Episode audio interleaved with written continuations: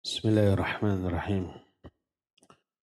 Assalamualaikum warahmatullahi wabarakatuh. Alhamdulillah wassalatu wassalamu ala rasulillah wa ala alihi wa ashabihi wa mawalah wa man tabi'ahum bi ihsanin ila yamil qiyamah. Wa ba'd. Para jamaah Masjid Al-Amal yang Allah muliakan, Alhamdulillah kita berjumpa untuk membahas satu tema tentang pentingnya menuntut ilmu syar'i. Salah satu di antara doa yang kita panjatkan sehari semalam minimal 17 kali di momen terbaik, yaitu ketika sholat adalah Ihdinas siratal mustaqim. Ya Allah beri hidayah kepada kami kepada siratal mustaqim. Kita akan bahas dua hal. Pertama, apa itu hidayah? Hidayah ada dua macam. Hidayah pertama dalam bentuk ilmu. Ilmu adalah hidayah. Disebut Hidayatul irsyad wa dilalah. Irsyad itu bimbingan, dilalah itu petunjuk. Dan itu berupa ilmu. Ini yang pertama. Hidayah yang kedua disebut hidayah taufiq. Hidayah taufiq itu keinginan dan kemampuan untuk mengamalkan ibadah dan amal soleh. Hidayah taufiq ini hak prerogatif Allah. Allah yang kasih, manusia nggak bisa. Adapun hidayah ilmu, kita bisa mencari dan kalau sudah dapat, kita bisa berikan ke orang lain. Kita belajar ilmu berarti meraih hidayah dalam bentuk ilmu lalu kita ajarkan berarti meng-share, membagi, memberikan hidayah itu kepada orang lain. Adapun hidayah taufik, jangankan kita, seorang nabi pun tidak bisa memberikan hidayah. Termasuk nabi kita Muhammad sallallahu alaihi wasallam. Allah berfirman, "Innaka la tahdi man ahbabta." walakin Allah yahdi man yasha. Engkau hai Muhammad tidak bisa memberikan hidayah kepada orang yang engkau cintai. Tapi Allah lah yang beri hidayah kepada orang-orang yang Allah kehendaki. Jadi hidayah taufik ini di tangan Allah. Makanya tak heran kalau ada nabi, anggota keluarga atau orang terdekatnya malah ingkar. Seperti Nabi Nuh dan Nabi Lut. Istri-istrinya malah kufur. Bahkan dijadikan sebagai simbol kekafiran oleh Allah dalam Al-Quran. Daraballahu mathala lilladzina kafaru mra'ata Nuh wa mra'ata Lut. Kanata tahta abdaini min ibadina min ibadina salihain fakhanatahuma falam yughniya anhuma min Allahi syai'a wa qila dkhulan nara ma'ad dakhilin Allah telah memberikan perumpamaan tentang orang-orang kafir yaitu istri Nabi Nuh dan istri Nabi Lut. Kedua-duanya di bawah tanggung jawab dua hamba kami yang soleh. Tapi dua-duanya khianat. Maka tidak ada manfaatnya sedikit pun bagi mereka berdua dan kedua-duanya masuk neraka. Waqila dkhulan nara ma'adakhil. Masuklah kamu berdua ke dalam neraka bersama para ahli neraka. Itu dua istri dari dua orang nabi. Kita tahu Nabi Nuh juga anaknya salah satunya kufur. Kita tahu Nabi Ibrahim ayahnya tukang membuat patung sesembahan. Kita tahu Nabi Musa, ayah angkatnya menjadi musuh besarnya. Siapa ayah angkatnya? Fir'aun.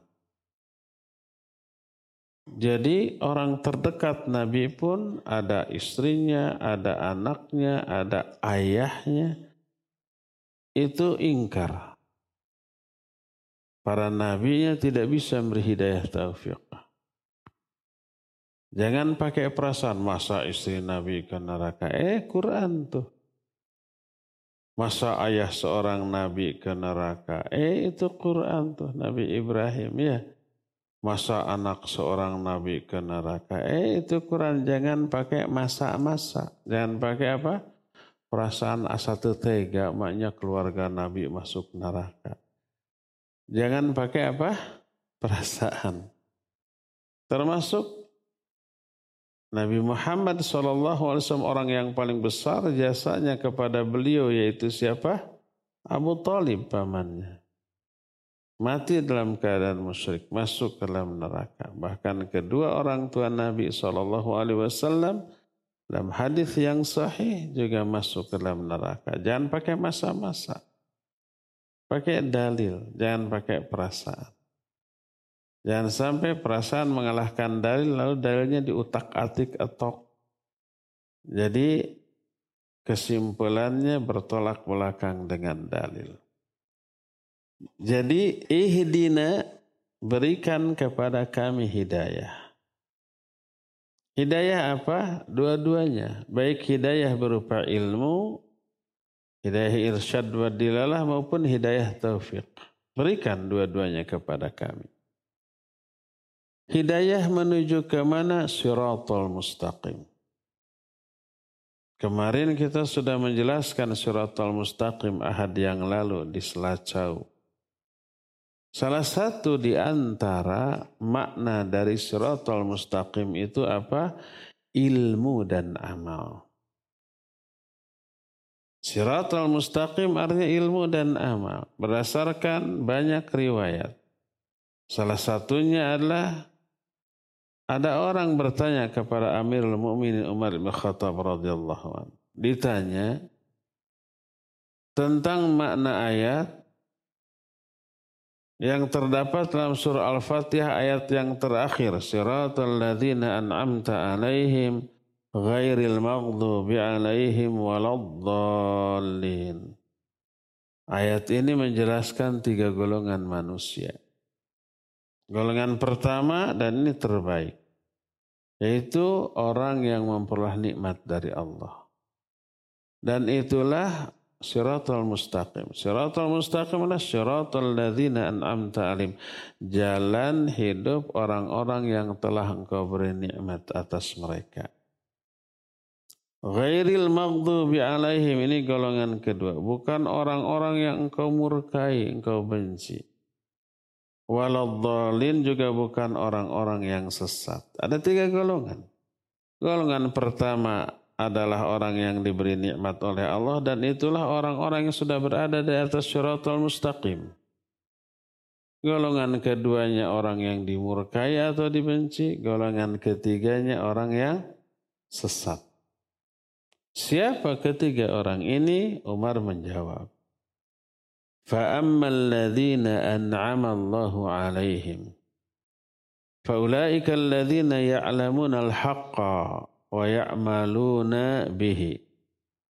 Adapun orang-orang yang telah diberi nikmat oleh Allah Allah mereka yang ya'lamuna al-haqqa. Berilmu tentang al-haqqa.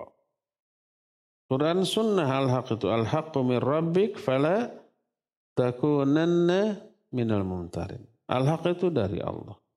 Quran sunnah. Ya'lamun al-haqqa orang yang faham Quran sunnah berilmu tentang Quran sunnah wa ya'malu nabihi lalu mereka amalkan. Jadi orang yang sudah diberi nikmat alias orang yang sudah berada di atas syaratul mustaqim adalah orang yang berilmu tentang Quran sunnah dan juga beramal. Ini golongan pertama dan kita wajib menjadi golongan pertama ini. Kalau enggak masuk kedua atau ketiga, wah bahaya. Adapun yang kedua, siapa yang kedua teh? Yang dibenci. فَأَمَّا الَّذِينَ غَضِبَ اللَّهُ عَلَيْهِمْ فَأُولَٰئِكَ الَّذِينَ يَعْلَمُونَ الْحَقَّ وَلَمْ يَعْمَلُوا بِهِ Adapun orang-orang yang dibenci oleh Allah, dimurkai oleh Allah adalah mereka yang mengetahui al-haq, berilmu tentang kebenaran. Faham Quran Sunnah. Walam ya'malu bih, tapi tidak diamalkan. Berilmu tapi tak tak beramal. Ketiga, wa ammal ladzina adallahumullah, adapun orang-orang yang Allah sesatkan. Disebut adallahumullah, disesatkan oleh Allah. Kalau seorang sesat, itu memang disesatkan oleh Allah. Dan siapa yang disesatkan oleh Allah, tak ada seorang pun yang bisa memberikan hidayah kepadanya. Wa mayyudlil fala hadiyalah. Bukan wa mayyadli, wa bukan. Tapi wa siapa yang disesatkan oleh Allah. Fala hadiyalah. Tidak ada seorang pun yang bisa memberi hidayah kepadanya. Jadi kalau orang sesat, Allah yang menyesatkannya. Apa Allah zalim? Enggak, enggak zalim. Allah ma'adil. Tidaklah Allah menyesatkan seseorang kecuali pasti ada alasan. Jangankan Allah atau manusia juga guru umpamanya ya punya banyak murid. Murid itu ada yang diberi nilai 10, 8, 6, 4, 0 gayanya. Ada yang naik kelas ranking 1, 2, ada juga yang tidak naik kelas. Ya, ada yang lulus. Kepada yang tidak lulus, guru itu zalim apa tidak? Tidak, tidak zalim. Kenapa guru tidak naikkan kelas anaknya, muridnya? Karena bodoh muridnya. Kenapa muridnya bodoh? Mungkin malas belajar. Jadi guru nilai 10 bukan karena resep kabudakna, bukan. Karena kondisi realnya budak itu pintar menjawab semua pertanyaan secara benar dikasih 10. Yang ini tidak bisa menjawab alias bodoh karena malas. Akhirnya kasih nilai jelek tidak naik kelas. Tidak ada yang protes. Guru kenapa ini nggak naik kelas? Guru punya alasan bodoh. Apalagi Allah ada yang diberi hidayah, ada yang disesatkan. Pasti punya alasan. Gak mungkin dolim. Ya. Nah, siapa orang-orang yang disesatkan oleh Allah? Fa'ammal ladzina adallahumullah faulaika alladzina la ya'lamuna al-haqqa wa ya'maluna bijahalatihim. Adapun orang yang disesatkan oleh Allah adalah mereka yang la ya'lamuna al-haqqa, bodoh tidak mengetahui kebenaran. Tidak faham Quran Sunnah. Enggak mau belajar Islam. Allah sesatkan dia. Itu alasannya. Tapi semangat beramal ada, lalu beramal. Beramal dengan kebodohannya. Salah amalnya, ditolak. Jadi ternyata tiga golongan yang ada dalam surah Al-Fatihah. Tiga-tiganya berkaitan dengan ilmu dan amal. Golongan pertama orang yang diberi nikmat oleh Allah, dia sudah ada di atas al mustaqim karena dia berilmu dan beramal. Golongan kedua yang dibenci oleh Allah berarti menyimpang dari suratul mustaqim. Dia betul berilmu tapi tidak beramal. Golongan ketiga sesat. Tapi punya semangat ibadah. Tapi kesabab bodoh ibadahnya salah. Berilmu, eh, tidak berilmu alias bodoh walaupun beramal. Beramalnya dengan kebodohannya. kita lihat ternyata untuk bisa selamat dari dua golongan yang kedua ini kita harus memiliki dua ilmu dan amal. Dari sinilah kita mengetahui betapa pentingnya memahami ilmu syar'i. Agar kita berada di atas syaratul mustaqim kan itu yang kita minta ya. Ihdina syaratul mustaqim maknanya ya Allah Berikan kepada saya ilmu dan berikan kepada saya hidayah untuk mengamalkan ilmu itu. Itulah syaratul mustaqim. Kita minta ihdina syaratul mustaqim, minta ilmu, minta hidayah untuk mengamalkan ilmu tersebut.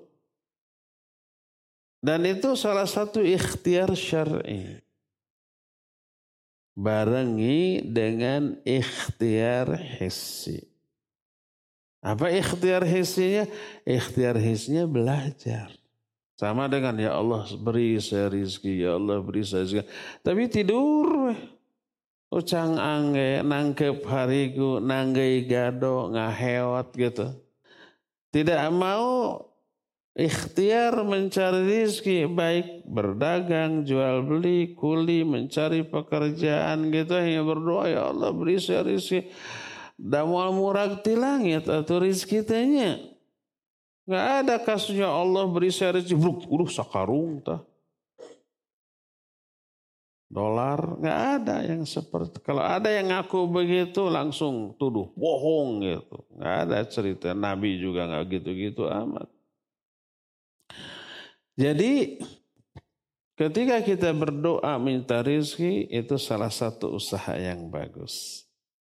Ikhtiar syari. Memang disyariatkan untuk berdoa minta rizki. Tapi ikuti dengan ikhtiar hissi. Nanti Allah mudahkan. Keluar rumah mencari rizki gimana saja caranya asal hal Allah nanti mudahkan bertemu dengan orang yang bisa memberikan pekerjaan dan seterusnya. Begitu juga, ya Allah beri saya ilmu, ihdina suratul mustaqim. Lalu ikhtiar hissinya harus dilakukan. Yaitu belajar, belajar, belajar.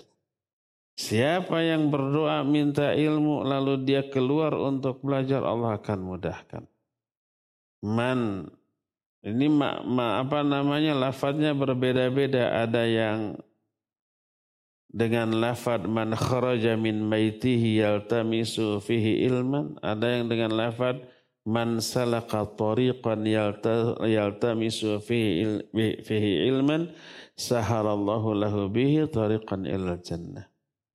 Siapa orang yang keluar rumah atau menelusuri suatu jalan untuk mencari ilmu, Allah akan mudahkan dia jalan menuju surga. Allah bantu. Allah mudahkan. Asal ada ikhtiar. Jadi kita berdoa ihdina syaratul mustaqim minimal 17 kali sehari semalam dalam sholat. Kalau dengan sholat sunat lebih lagi kan. Itu doa meminta ilmu dan hidayah untuk mengamalkan ilmu itu barengi dengan ikhtiar real yang nyata yaitu belajar. Baik mondok pesantren atau ikut halakoh-halakoh ilmu, ikut kajian seperti ini dan seterusnya. Untuk apa? Agar kita berilmu dan beramal sehingga masuk ke dalam golongan orang yang diberi nikmat oleh Allah, tidak dibenci, tidak juga sesat. Dari sini kita melihat betapa pentingnya kita mencari ilmu. Kalau tidak mencari ilmu, kita bodoh dan kebodohan itu sumber dari seluruh keburukan. Berkata Al-Imam Ibn Qayyim rahimahullah di dalam kitabnya yang namanya Madarijus Salikin. Beliau menyatakan, Ma min madhin fil Quran illa wa huwa min thamratil ilm. Wa ma min dhammin fil Quran illa wa huwa min thamratil jahl. Tidak ada satupun pujian dalam Al-Quran. Kecuali itu buah dari ilmu. Allah dalam Al-Quran memuji orang beriman, orang bertakwa, orang berbuat kebaikan, orang beramal soleh. Dipujikan oleh Allah. Kenapa? Kenapa mereka jadi orang beriman, jadi orang bertakwa? Itu karena ilmu. Karena ilmu dia bertakwa. Tak mungkin bertakwa tanpa ilmu. Abu Darda radhiyallahu an menyatakan in dalam ada dalam kitab Sunan Ad-Darimi dengan sanad yang sahih Abu Darda menyatakan la takunu taqiyan hatta takuna aliman. Kamu nggak mungkin jadi orang bertakwa sebelum kamu berilmu. Untuk jadi bertakwa harus berilmu. Kalau bodoh nggak mungkin jadi orang bertakwa. Gimana bisa orang bodoh jadi takwa? Karena orang takwa itu melaksanakan semua perintah Allah, menjauhi semua larangannya. Untuk bisa melaksanakan perintah Allah butuh ilmu apa tidak? Ya iya butuh ilmu. Apa saja perintah, apa aja larangan, butuh ilmu. Ini perintahnya gimana cara melaksanakannya? Butuh ilmu itu. Tanpa ilmu nggak mungkin bisa melaksanakan. Jadi takwa hasil dari ilmu. Iman hasil dari ilmu. Amal soleh hasil dari ilmu. Kesabaran hasil dari ilmu. Allah memuji orang sabar, orang takwa, orang beriman, orang beramal soleh. Dan itu buah dari ilmu. Sebaliknya, Tak ada satupun ayat dalam Al-Quran yang mencela. Tidak ada satupun celaan dalam Al-Quran kecuali itu buah dari kebodohan. Allah mencela kekafiran dan pelakunya, orang-orang kafir. Mencela orang-orang musyrik, mencela para ahli bidah, mencela juga para ahli maksiat. Semuanya itu baik perbuatan syirik perbuatan kufur, perbuatan maksiat itu lahir dari kebodohan. Al-Quran menerangkan itu. Contoh umpamanya. Nabi Musa Ali salatu wassalam lewat di hadapan apa ke sebuah tempat. Di tempat itu banyak patung-patung sesembahan yang disembah oleh kaum itu. Eh umat Nabi Musa ngomongnya gimana? Ij'al lana ilahan kama lahum alihah. Buatkan bagi kami satu patung sembahan saja. Seperti mereka juga punya banyak tuh patung sembahan. Minta patung sembahan ini syirik apa bukan? Syirik. Apa kata Nabi Musa? Innakum qaumun tajhalun. Dasar marana yang mah bodoh. Gitu tak bahasa bahasa jalan Semarna Allah terangkan dalam Al-Quran surah Al-A'raf ayat 138. Qalu ya Musa ij'al lana ilahan kama lahum alihah. Qal innakum qaumun tajhalun. Mereka berkata, Hai Musa buatkan bagi kami patung sembahan sebagaimana mereka juga punya banyak patung sembahan. Musa menjawab, dasar kamu mah kaum yang bodoh. Maknanya kebodohan ini yang melatar belakangi permintaan mereka untuk berbuat syirik. Pokok pangkal dari syirik adalah kebodohan tentang hal itu. Lihat lagi surah Az-Zumar ayat 64.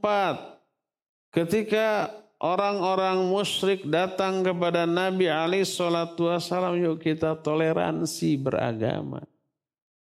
Kami akan menyembah Tuhanmu, kalian juga harus menyembah Tuhan kami. Apa Jawab Allah Azza wa Jalla. Allah menyatakan, Qul afa ghairallahi ta'murunni a'budu a'budu ayyuhal jahilun. Apakah katakan olehmu Muhammad, apakah selain Allah engkau perintahkan aku untuk menyembah wahai orang-orang bodoh? Disebut orang bodoh karena mengajak menyembah kepada selain Allah adalah kebodohan yang nyata. Sok agama lain kurang bodoh gimana atau mengklaim Allah punya anak. Anaknya laki-laki. Ibunya Maria kurang bodoh gimana tuh? Anaknya dikakaya, disalib, bapaknya cicing wae. Antum di sini ada yang sudah punya anak? Ada banyak. Coba anak nadi sintrek kubatur. Gimana tindakan kita? Wani mah kabapana. Gitu kan? Pada jeng wani. Ini disalib kemudian dan seterusnya. Si viral kayak di, di, disomasi deh. Demikian juga kemaksiatan seperti yang terjadi pada diri kaum Nabi Lut. LGBT eh. L-nya apa? Lesbian, akhwat, perempuan.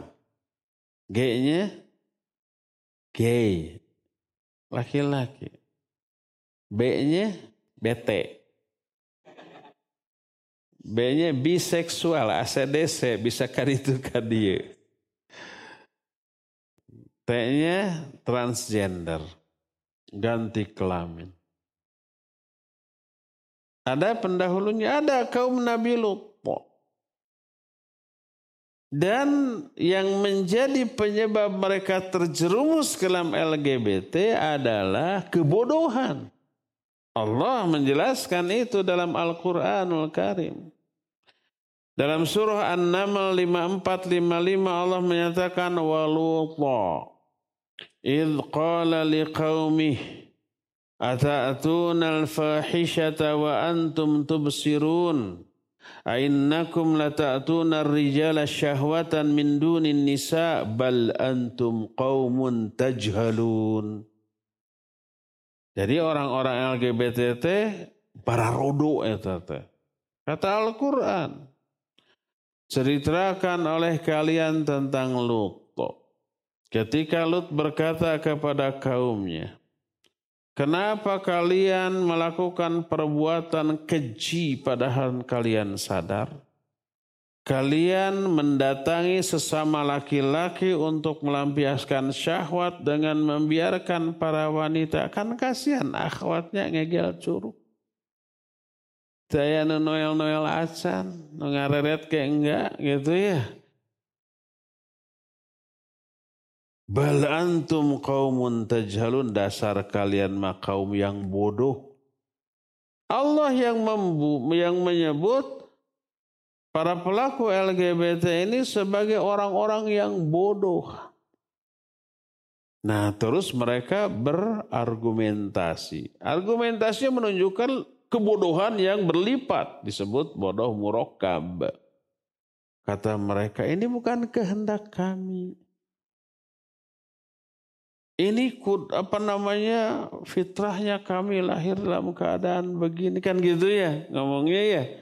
Kami juga ingin normal seperti kalian kan gitu. Ngaku teh normal tah. Disangkanya kalau ada keinginan secara naluriah seperti itu dianggap legal, boleh dan benar. Coba jawab, kan ngomongnya kayak gitunya mereka para LGBT teh. Kita oleh Allah juga diberikan naluri. Kecintaan kepada wanita, anak-anak, harta, dan seterusnya kan. Zuyyina linnasi hubbus syahawati minan nisa wal banin wal qanatiril muqantarati minal zahabi wal fiddah dan seterusnya. Semua jenis harta disebut. Semua kita ya suka wanita. Ikhwan. Kalau ah, saya emang nggak suka, itu normal. Bahwa bukan lelaki. Buat bukan lelaki normal. Fisik lelaki tapi mungkin psihisnya nggak normal. Yang normal mau pasti gede keinginannya ya. Makanya ada celetukan tuh. Saya pernah ngobrol dengan Ustaz Kurnaidi. Kalau ada satu laki-laki yang memiliki dua istri, itu disebut real man.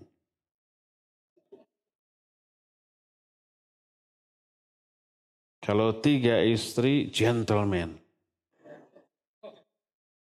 Kalau empat istri, superman. Kalau hanya satu istri, cemen. Kalau nggak punya satu pun, no comment. Di sini kebanyakan yang mana? Cemen dan no comment. Ada yang real man di sini? Jadi, jadi lo pohon deh mana tadi? Kalau laki-laki itu normal pasti suka kepada wanita, anak-anak, eh, harta dan seterusnya. Tapi karena apakah karena suka itu bebas? Setiap wanita yang disuka gabres-gabres gitu, setiap harta yang diinginkan ambil semua. Apakah begitu? Enggak. Ada mekanisme. Ada prosedur. Kalau ingin menyalurkan syahwat kepada wanita secara legal dari tuntunan syari nikah. Silakan. Mau jadi real man, mau jadi gentleman, mau jadi superman, kalau nggak mampu cemen nggak apa-apa. Gitu. Kan gitu. Demikian juga pada harta, kalau mau harta ya berusaha dengan usaha yang legal, yang halal. Nggak bisa sembarang mencari harta dengan cara semau-maunya. Enggak. Nggak boleh. Walaupun kita diberikan naluri untuk mencintai semua itu. Ada aturan, ada mekanisme, ada prosedur yang ditetapkan oleh syar'i kalau ternyata aturan prosedur itu tidak dibolehkan, jangan dilalui. Jangan riba, jangan mencuri, jangan menipu, jangan yang diharamkan, jangan berjudi seperti jangan. Cari cara lain.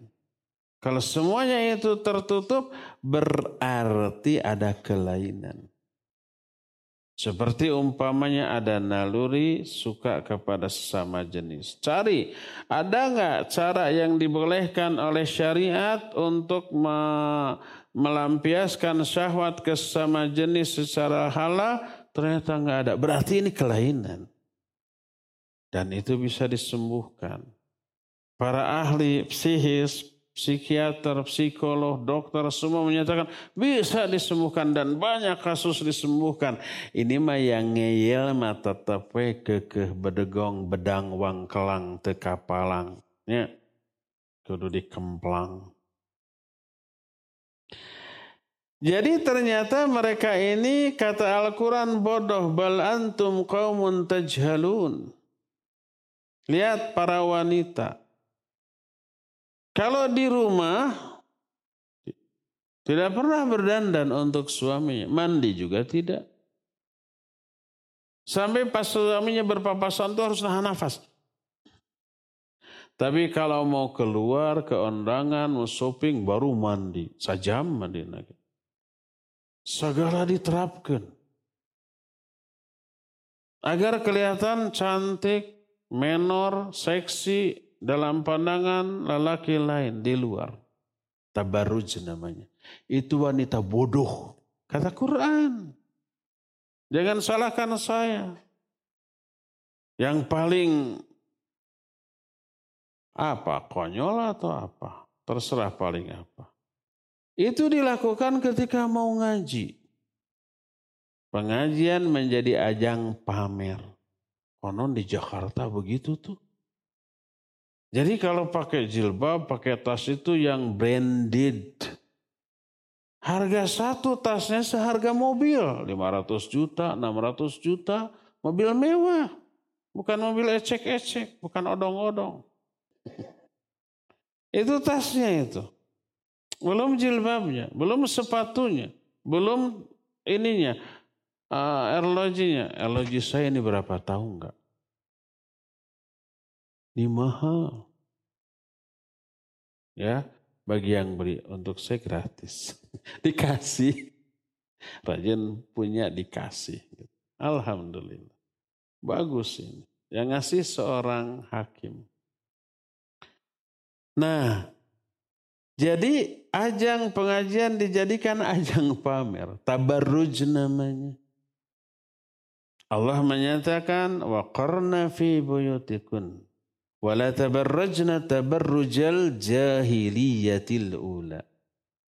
Tetaplah kalian hai wanita di rumah-rumah kalian dan jangan bertabarruj seperti tabarrujnya orang-orang jahiliyah, orang-orang bodoh zaman bahula. Jadi tabarruj, liwat atau LGBT itu kemaksiatan, itu sumbernya kebodohan. Penyebab utamanya adalah kebodohan. Dan bodoh lahir karena tidak mau belajar ilmu. Ini pentingnya ilmu. Bahkan semua dosa, maksiat, kesalahan, penyimpangan, pelanggaran terhadap aturan syariat itu disebabkan karena kebodohan. Coba lihat ayat-ayat berikut. Pertama, Al-Quran surah An-Nisa ayat yang ke-17. Allah menyatakan, Innama taubatu ala Allahi lilladhina ya'maluna su'a bijahala, thumma yatubuna min qarib. Fa'ulaika yatubullahu alaihim wa kana Allahu aliman hakima. Hanyalah Tobat itu diperuntukkan bagi orang-orang yang melakukan dosa karena kebodohan. Kemudian setelah itu mereka segera tobat. Mereka lah orang-orang yang tobatnya diterima oleh Allah dan Allah maha mengetahui dan maha hakim. Ini ayat yang pertama. Melakukan dosa kesalahan karena kebodohan. Kedua, Al-An'am 54 isinya mirip. Allah menyatakan kataba rabbukum ala nafsihi rahmah annahu man amila minkum su'an bijahalatin thumma taba min ba'dihi wa aslaha fa innahu ghafurur rahim. Kata Allah, Allah telah menetapkan sikap sifat rahmah bagi dirinya. Jadi Allah itu Rahman Rahim, penebar rahmat yang mencurahkan rahmat. Salah satu di antara rahmat Allah adalah siapa orang yang mengamalkan sebuah dosa di antara kalian karena kebodohan. Disebut karena kebodohan. Kemudian setelah itu tobat dan berbuat maslahat, maka Allah akan mengampuni. Allah itu ghafur rahim. Ini ayat yang kedua. Ayat ketiga. An-Nahl 119 menyatakan, "Tsumma inna rabbaka lilladzina amilu su'a bijahalatin thumma tabu min ba'di dzalika wa aslahu inna rabbaka min ba'diha laghafur rahim." Kemudian Allah kepada orang-orang yang mengamalkan amal buruk karena kebodohan, disebut karena kebodohan. Kemudian mereka tobat setelah itu lalu berbuat maslahat maka Allah maha pengampun dan maha penyayang. Tiga ayat tadi menerangkan orang berbuat dosa maksiat karena kebodohan. Apa makna dari ayat ini?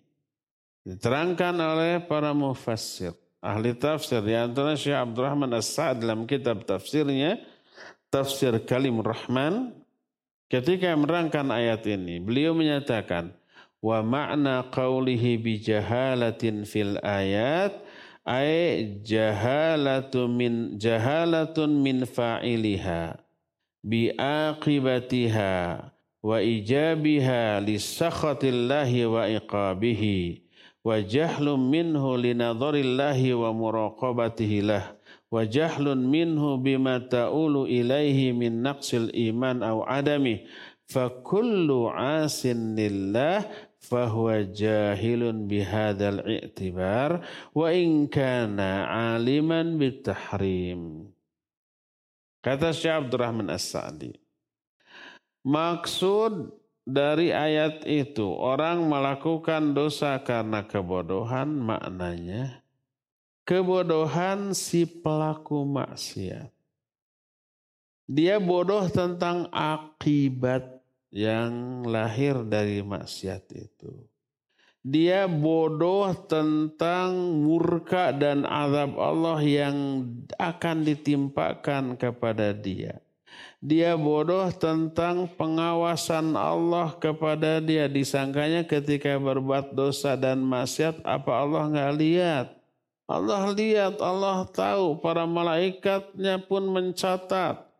Bodoh juga tentang efek buruknya terhadap keimanan. Imannya luntur, minimal berkurang, bisa hilang sama sekali.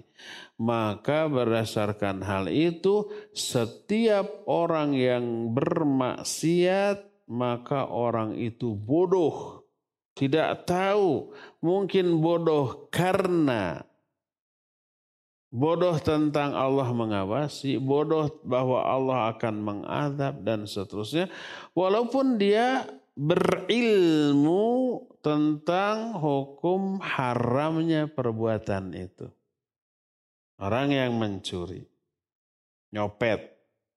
Tahu nggak bahwa nyopet haram? Tahu. Kenapa dia dianggap bodoh? Padahal dia pinter, cara nyopetnya pinter. Kalau ketahuan pinter ngelesnya, gitu ya. Kenapa disebut bodoh? Dia tidak tahu Allah melihat. Orang-orang tidak melihat.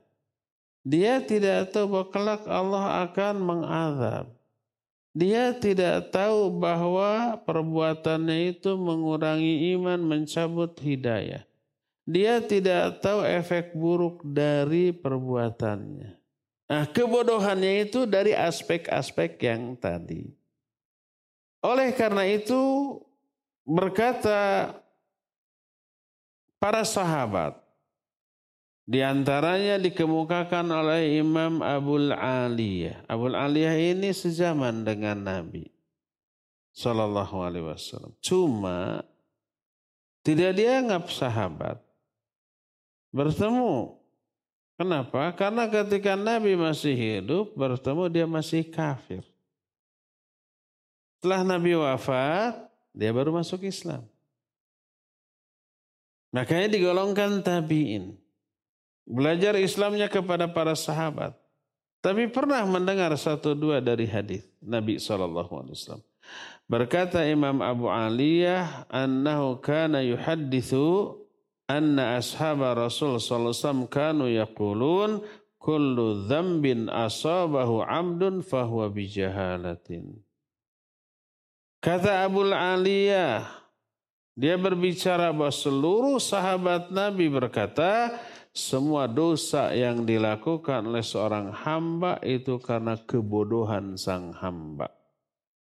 Juga berkata Qatada, Qatada juga termasuk ulama tabi'in sezaman dengan para sahabat.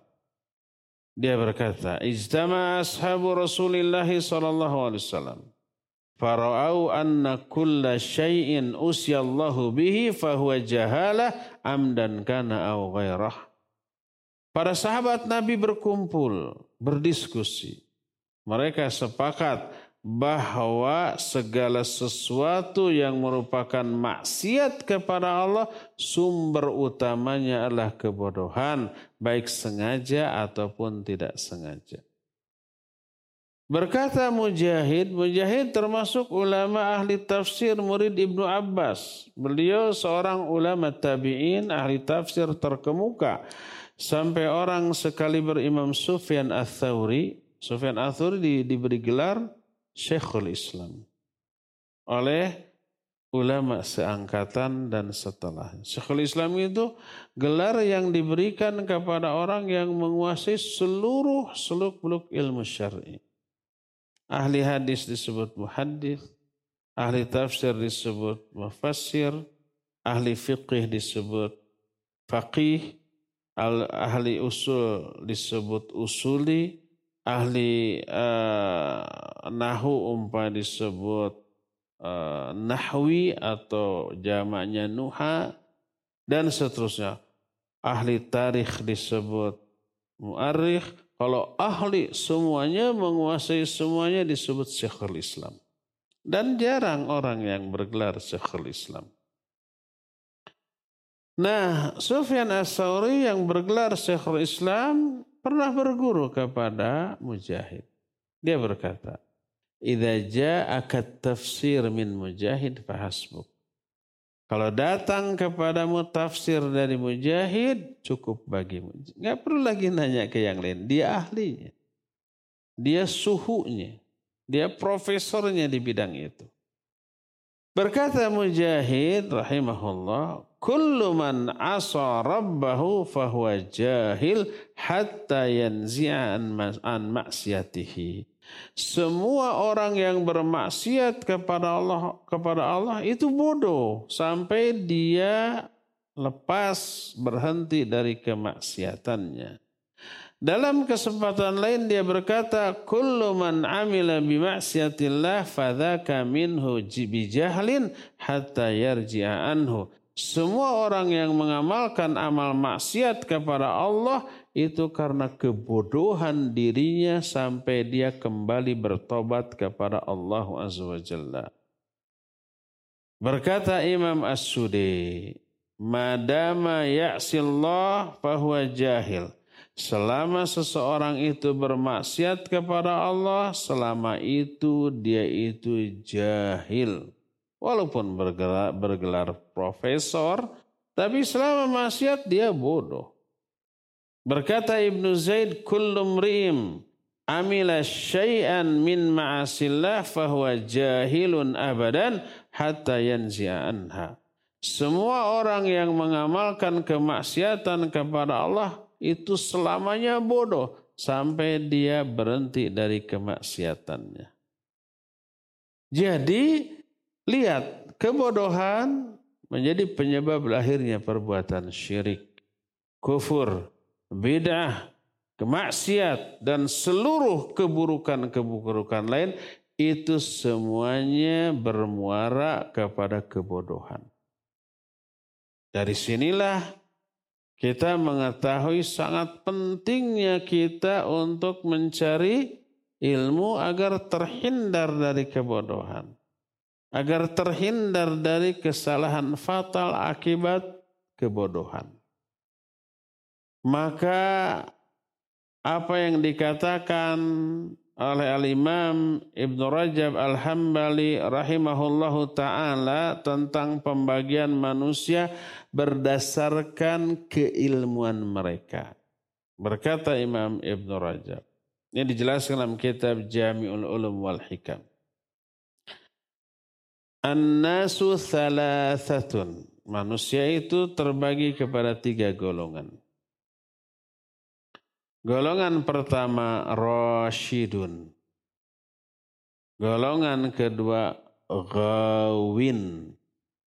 Golongan ketiga Dolun. Rashid, Gawin, Dolun. Siapa yang Rashid? Itu se semakna dengan tiga golongan manusia dalam Al-Fatihah. Yang tadi diterangkan. Ammar Rashid fahuwa man arafal haqqa wa ya'malu bih. Atau dalam ungkapan lain man arafal haqqa wa taba'ahu. Orang yang mengetahui al-haq berilmu tentang kebenaran, faham Quran Sunnah, lalu diikuti, diamalkan. Ini Rashid. Ini berarti di Al-Fatihah orang ini akan peroleh nikmat ya. Orang ini sudah berada di atas syaratul mustaqim. Makanya disebut khulafair rasyidun.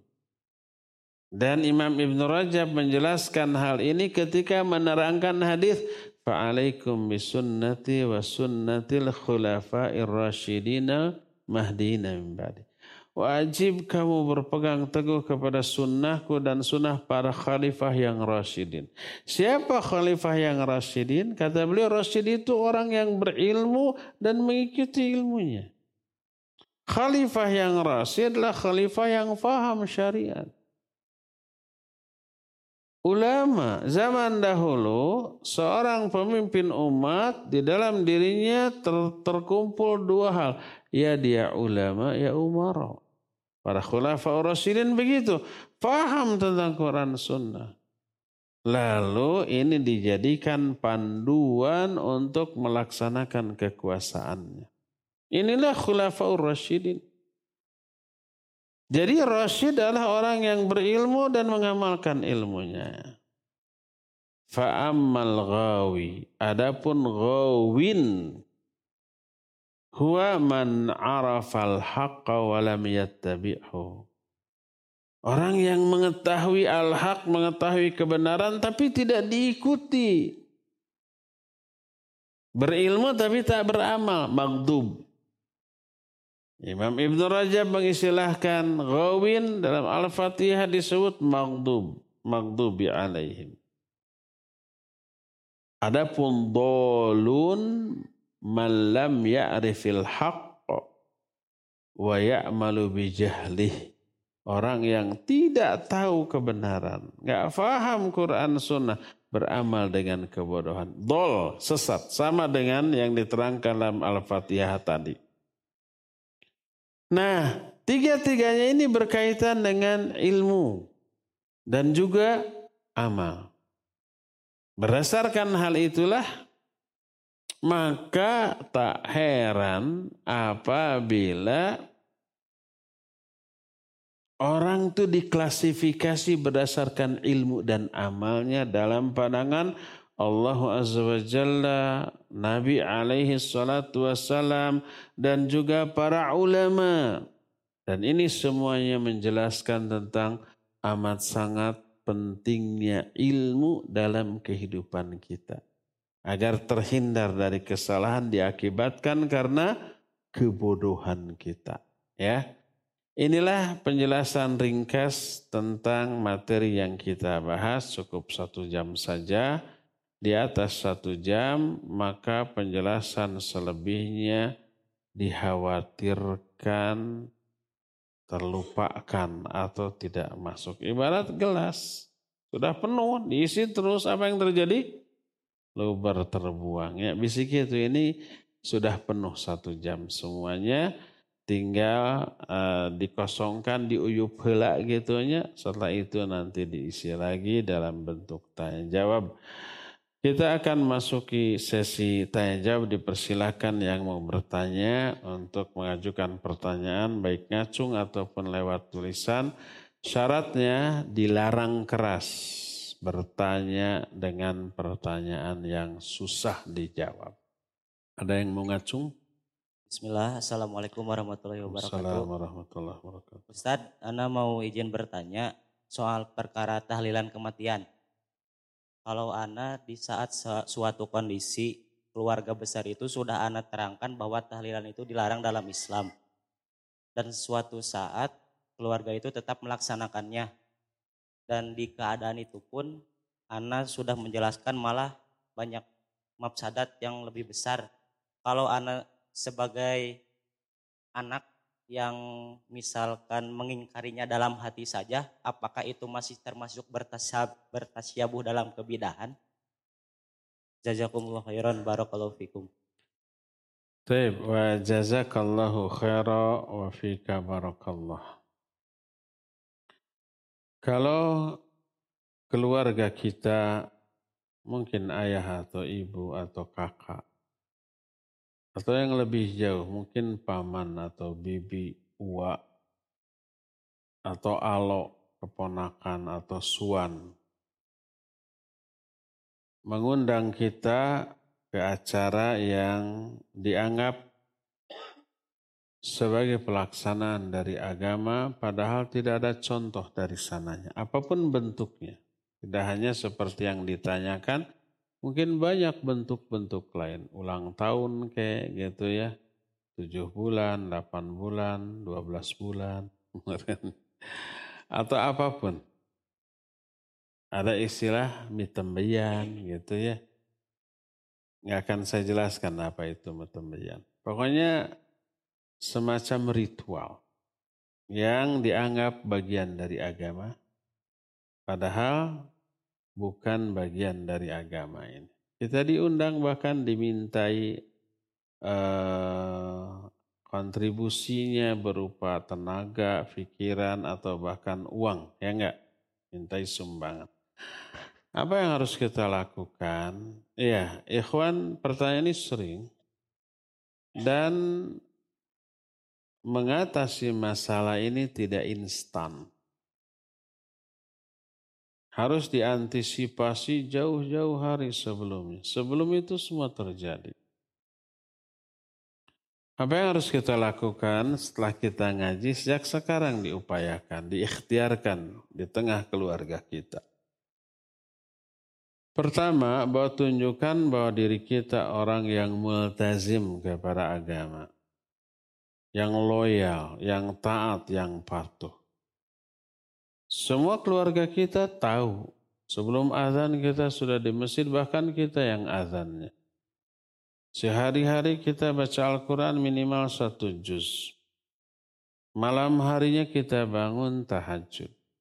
Setiap Senin Kamis kita saum.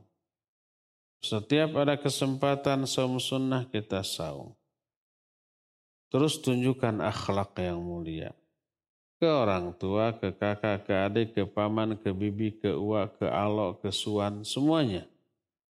Mereka sehingga mereka menganggap kita orang yang betul-betul loyal terhadap agama tapi mulia akhlaknya. Kalau sudah begitu, omongan kita akan didengar. Minimal dimaklumi. Tindakan kita akan dijadikan acuan, contoh. Kalau suatu saat mereka mengadakan acara-acara yang secara syar'i terlarang tadi, lalu kita tidak ikut, mereka akan faham. Oh ini ajaran agamanya. Nggak akan ngeyel. Apalagi umpah kita ngomong itu nggak ada dalam agama kita, tinggalkan. Minimal mereka akan meyakininya walaupun belum mampu untuk meninggalkannya karena masih mempertimbangkan omongan orang-orang di sekitar tetangganya gitu ya. Ah kalau tidak mengadakan nikah apa kata orang kan gitu ya. Akhirnya tetap mengadakan. Tapi sudah tahu hukumnya dari kita dan memaklumi kalau kita tidak ikut campur. Tidak akan kita disalahkan, tidak akan kita ini di apa namanya di pojokan enggak. Kalau mereka sudah tahu bagaimana kita sehari-hari. Itu yang perlu. Tapi kalau umat sehari-harinya kita tidak begitu ya, sholat subuh gitu, sudah azan baru nguliat, sudah komat baru ke air, nagog hela, setengah genap baru sholat umpamanya di rumah ya. Jangan saum saum sunat nggak pernah kelihatan, baca Quran nggak pernah kelihatan, ngaji suka sering. Ya, akhlaknya buruk, ke orang tua nggak pernah bantu-bantu, ke kakak, ke adik juga nggak bagus ya akhlaknya, apalagi saudara yang lain. Pas mereka mengadakan acara yang seperti itulah kita katakan bid'ah, wah dasar teroris, kan gitu. Dasar ekstremis, dasar wahabi. Ya pasti begitu. Karena apa? Karena selama ini kita tidak menjadi tauladan bagi kita. Jadi intinya tetap kita dakwah, sampaikan semampu yang kita bisa. Selebihnya tinggal mensiasati bagaimana caranya agar tetap tidak terlibat dengan tetap menjalin hubungan baik. Di luar acara itu tetap kita bantu mereka, kita silaturahmi kepada mereka gitu ya. Wallahu a'lam bishawab. Gawat dulu. Ustaz mohon penjelasannya. Dengan alasan mencari ilmu, terkadang orang mengikuti kajian-kajian apa pun yang ada, tanpa mengetahui apakah ilmunya akan membuat paham agama atau membuatnya sesat. Mohon penjelasan bagaimana mengetahui pengajian itu atau dai-nya lurus atau tidak. Jazakallahu khairan. Taib wa jazakillahu khairan kepada akhwat yang bertanya ini. Kalau dalam urusan dunia kita nggak mau sembarangan. Dalam hal apa pun. Umpamanya kita sakit.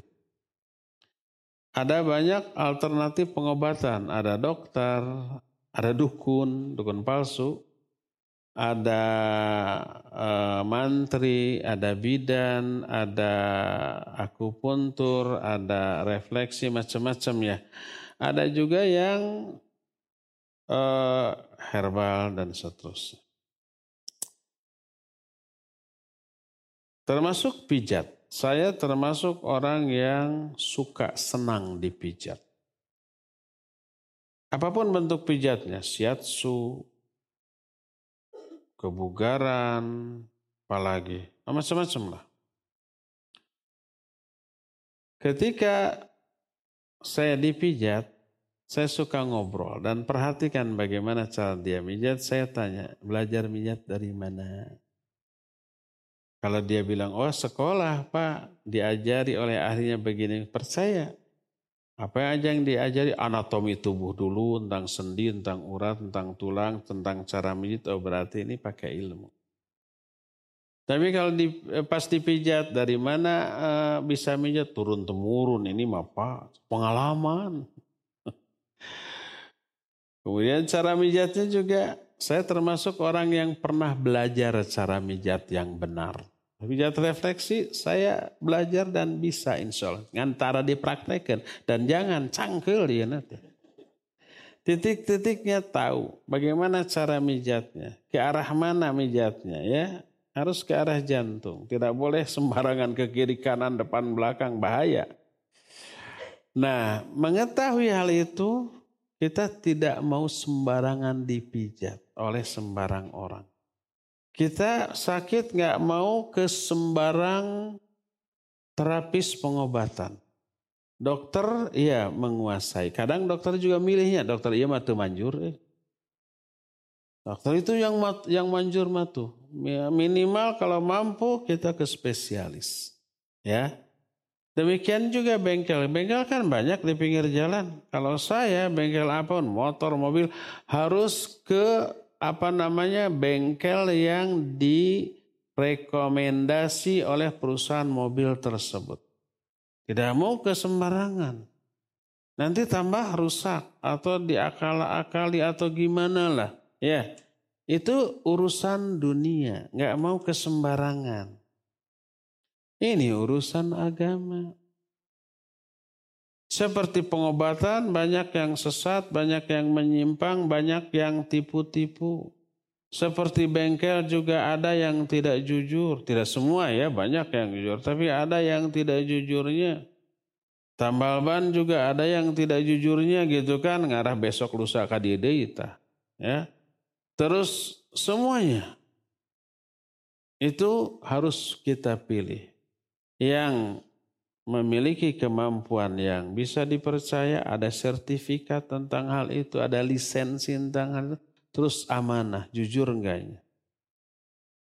Sebab kalau tidak jujur walaupun dia ahli bisa saja dia hianat terhadap eh, apa namanya pekerjaannya, keahliannya. Nah, apalagi dalam masalah agama. Bagaimana ciri-ciri ustadz yang lurus Pertama lihat background pendidikannya. Apa dia pernah belajar bahasa Arab? Mampu belajar belajar ilmu tafsir, ilmu hadis, ilmu fikih, usul fikih dan ilmu-ilmu syar'i yang lainnya apa tidak? Ataukah dia hanya baca buku tarjamah dia dokter? dia insinyur, dia umpamanya ahli ekonomi, ahli politik, lalu membaca buku-buku terjemahan tentang Islam lalu disampaikan. Ini bukan ahlinya. Pilih yang memiliki background pendidikan agama. Baik universitas Islam ataupun pondok-pondok pesantren. Ini yang pertama. Jangan hanya belajar ke ustadz yang hanya baca buku terjemahan. Tidak bisa bahasa Arab. Kadang ada ustadz pas baca ayat, baca hadis, kelihatan tajwid makhrajnya juga nggak benar ya. Baca Qurannya aja nggak benar nih, apalagi bahasa Arabnya. Nggak akan bisa dia. Jangan belajar kepada yang seperti itu. Itu bisa sesat dan menyesatkan. Ya, itu pertama, lihat background pendidikannya. Nah, yang kedua, lihat manhaj. Manhaj itu tariqatul faham lil kitab was sunnah. Cara memahami kitab dan sunnah. Mungkin dia background pendidikannya universitas Islam atau pesantren. Tapi cara dia memahami Islam itu seperti seorang ulama mujtahid mutlak. Ambil ayat. Menurut saya ayat ini tafsirannya begini. Ambil hadis. Menurut saya hadis ini begini, begini, begini. Padahal dia bukan ulama. Dia hanya ustadz. Ini berbahaya juga. Karena apa? Memahami suatu ilmu dengan alat yang tidak memadai. Istihad itu ranahnya para ulama mujtahid bukan ranahnya para ustadz. Itu yang kedua nih. Kalau dia istihad sendiri di dalam menerangkan ayat, menerangkan hadis, menerangkan suatu eh, masalah agama berdasarkan pendapat fikirnya sendiri, singkirkan, jangan didengar. Dia bukan ahlinya. Terus yang benar yang bagaimana? Yang benar dia punya background pendidikan Islam. Dia bisa bahasa Arab, pernah belajar tafsir, hadis, fikih dan seterusnya ulum-ulum syariah. Dia bisa baca kitab karena itu dasar, ilmu dasar, ya. Nah, lalu manhajnya, cara dia memahami dan menyampaikan, dia selalu merujuk kepada para ulama. Ketika menafsirkan ayat ini berkata ulama anu dalam kitabnya. Ketika menjelaskan hadis, hadis ini sahih diriwayatkan dalam kitab anu. Makna hadis ini menurut ulama ini begini, begini, begini. Nah ini merujuk ke ahlinya. Sesuai dengan firman Allah, Fas'alu ahla dzikri in kuntum la ta'lamun. Tanya ke ahlinya kalau kalian tidak tahu. Ahli tentang tafsir ya ilmu ah, ulama tafsir. Ahli tentang hadis ya ulama hadis. Seperti apa yang saya lakukan tadi gitu ya. Apalagi rujukan saya menjelaskan ini dari sebuah kitab yang disun oleh ulama juga. Nah tadi diterangkan Ketika menerangkan ini berkata para mufassir di atas Syekh Abdul Rahman As-Sa'di menyatakan begini. Mengutip pendapat para sahabat dan ulama tabi'in. Ketika menerangkan hadis ini, saya kutip hadis ini riwayat siapa dalam kitab apa sahih atau tidak. Terus berkata Imam Ibn Rajab dalam kitab tadi, Jamil Ulum wal Hikam ketika menafsir. Nah seperti itu. Saya punya ilmu syar'i tapi belum sampai pada taraf ulama mujtahid. Nggak berani ijtihad nggak berani men menyatakan ayat ini menurut saya begini begini. Enggak emang saya siapa? Saya bukan ahli tafsir. Hadis ini menurut pemahaman saya begini begini begini. Mentang-mentang pernah belajar hadis mentang-mentang bisa belajar eh, bisa bahasa Arab lalu berhak mensyarah hadis enggak bukan ahlinya Makanya lebih selamat apabila mengutip ahlinya. Hadis ini menurut ulama ini dalam kitab ini begini, begini itu ahlinya ya. Itulah yang harus kita ikuti. Karena merujuk kepada ahlinya dan ahlinya pendapatnya bisa dipertanggungjawabkan karena didasarkan pada ilmu yang memadai ya. Maka tak sembarang kajian atau ustadz didatangi. Lihat bagaimana cara dia memahami. Saya tanya ada nggak ustadz yang ceramah kemara ke sana kemari tapi nggak bisa bahasa Arab? Ada?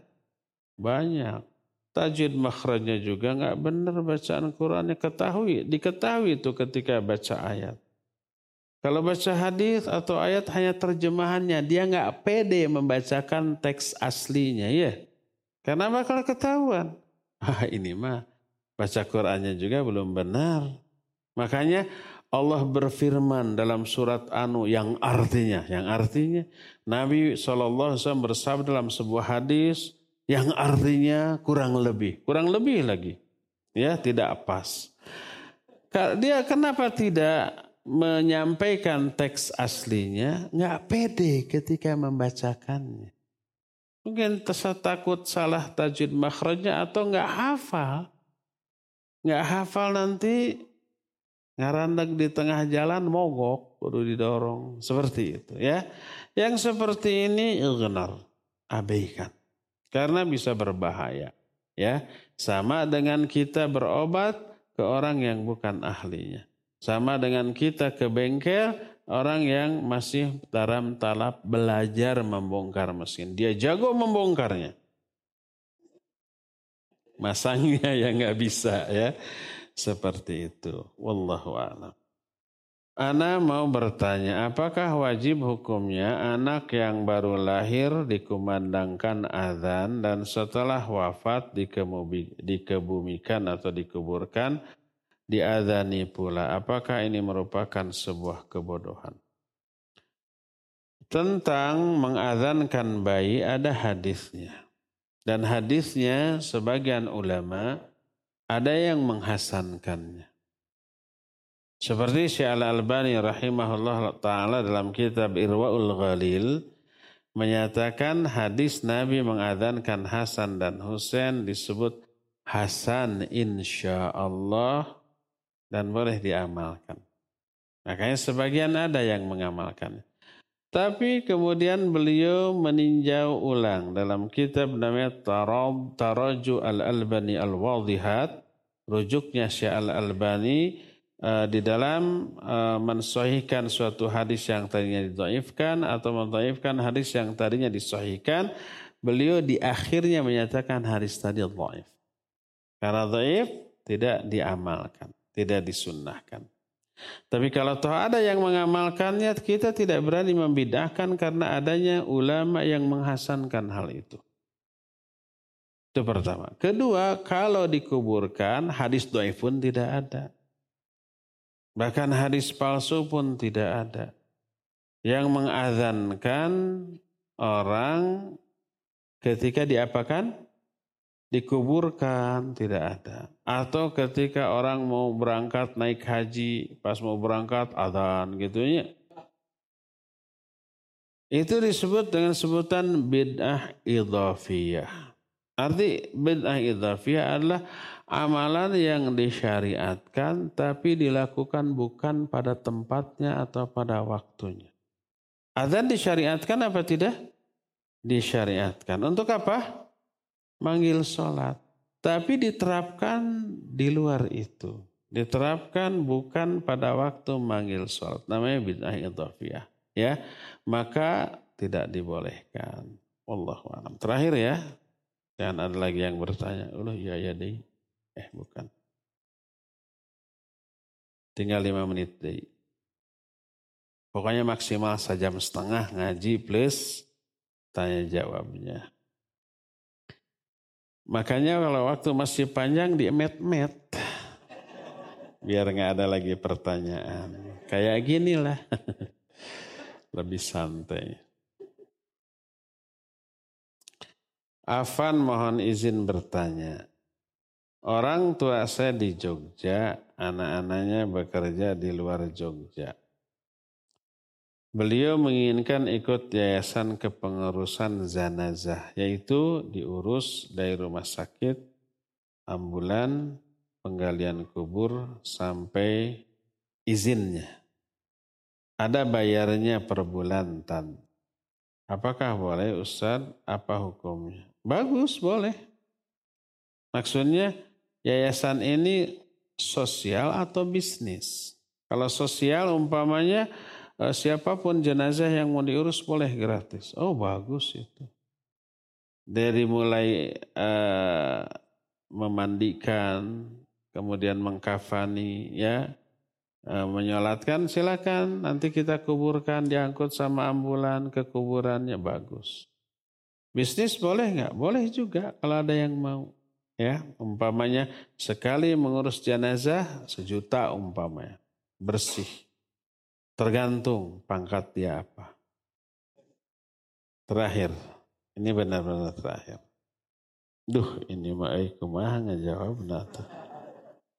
Bagaimana hukumnya warga negara diperintahkan untuk merayakan Hutri yang keberapa? Hutri. Ke-70? 7? Ke-77. Sekarang tahun 2022 kurangi 1945. Iya, 77. Uh, pertama,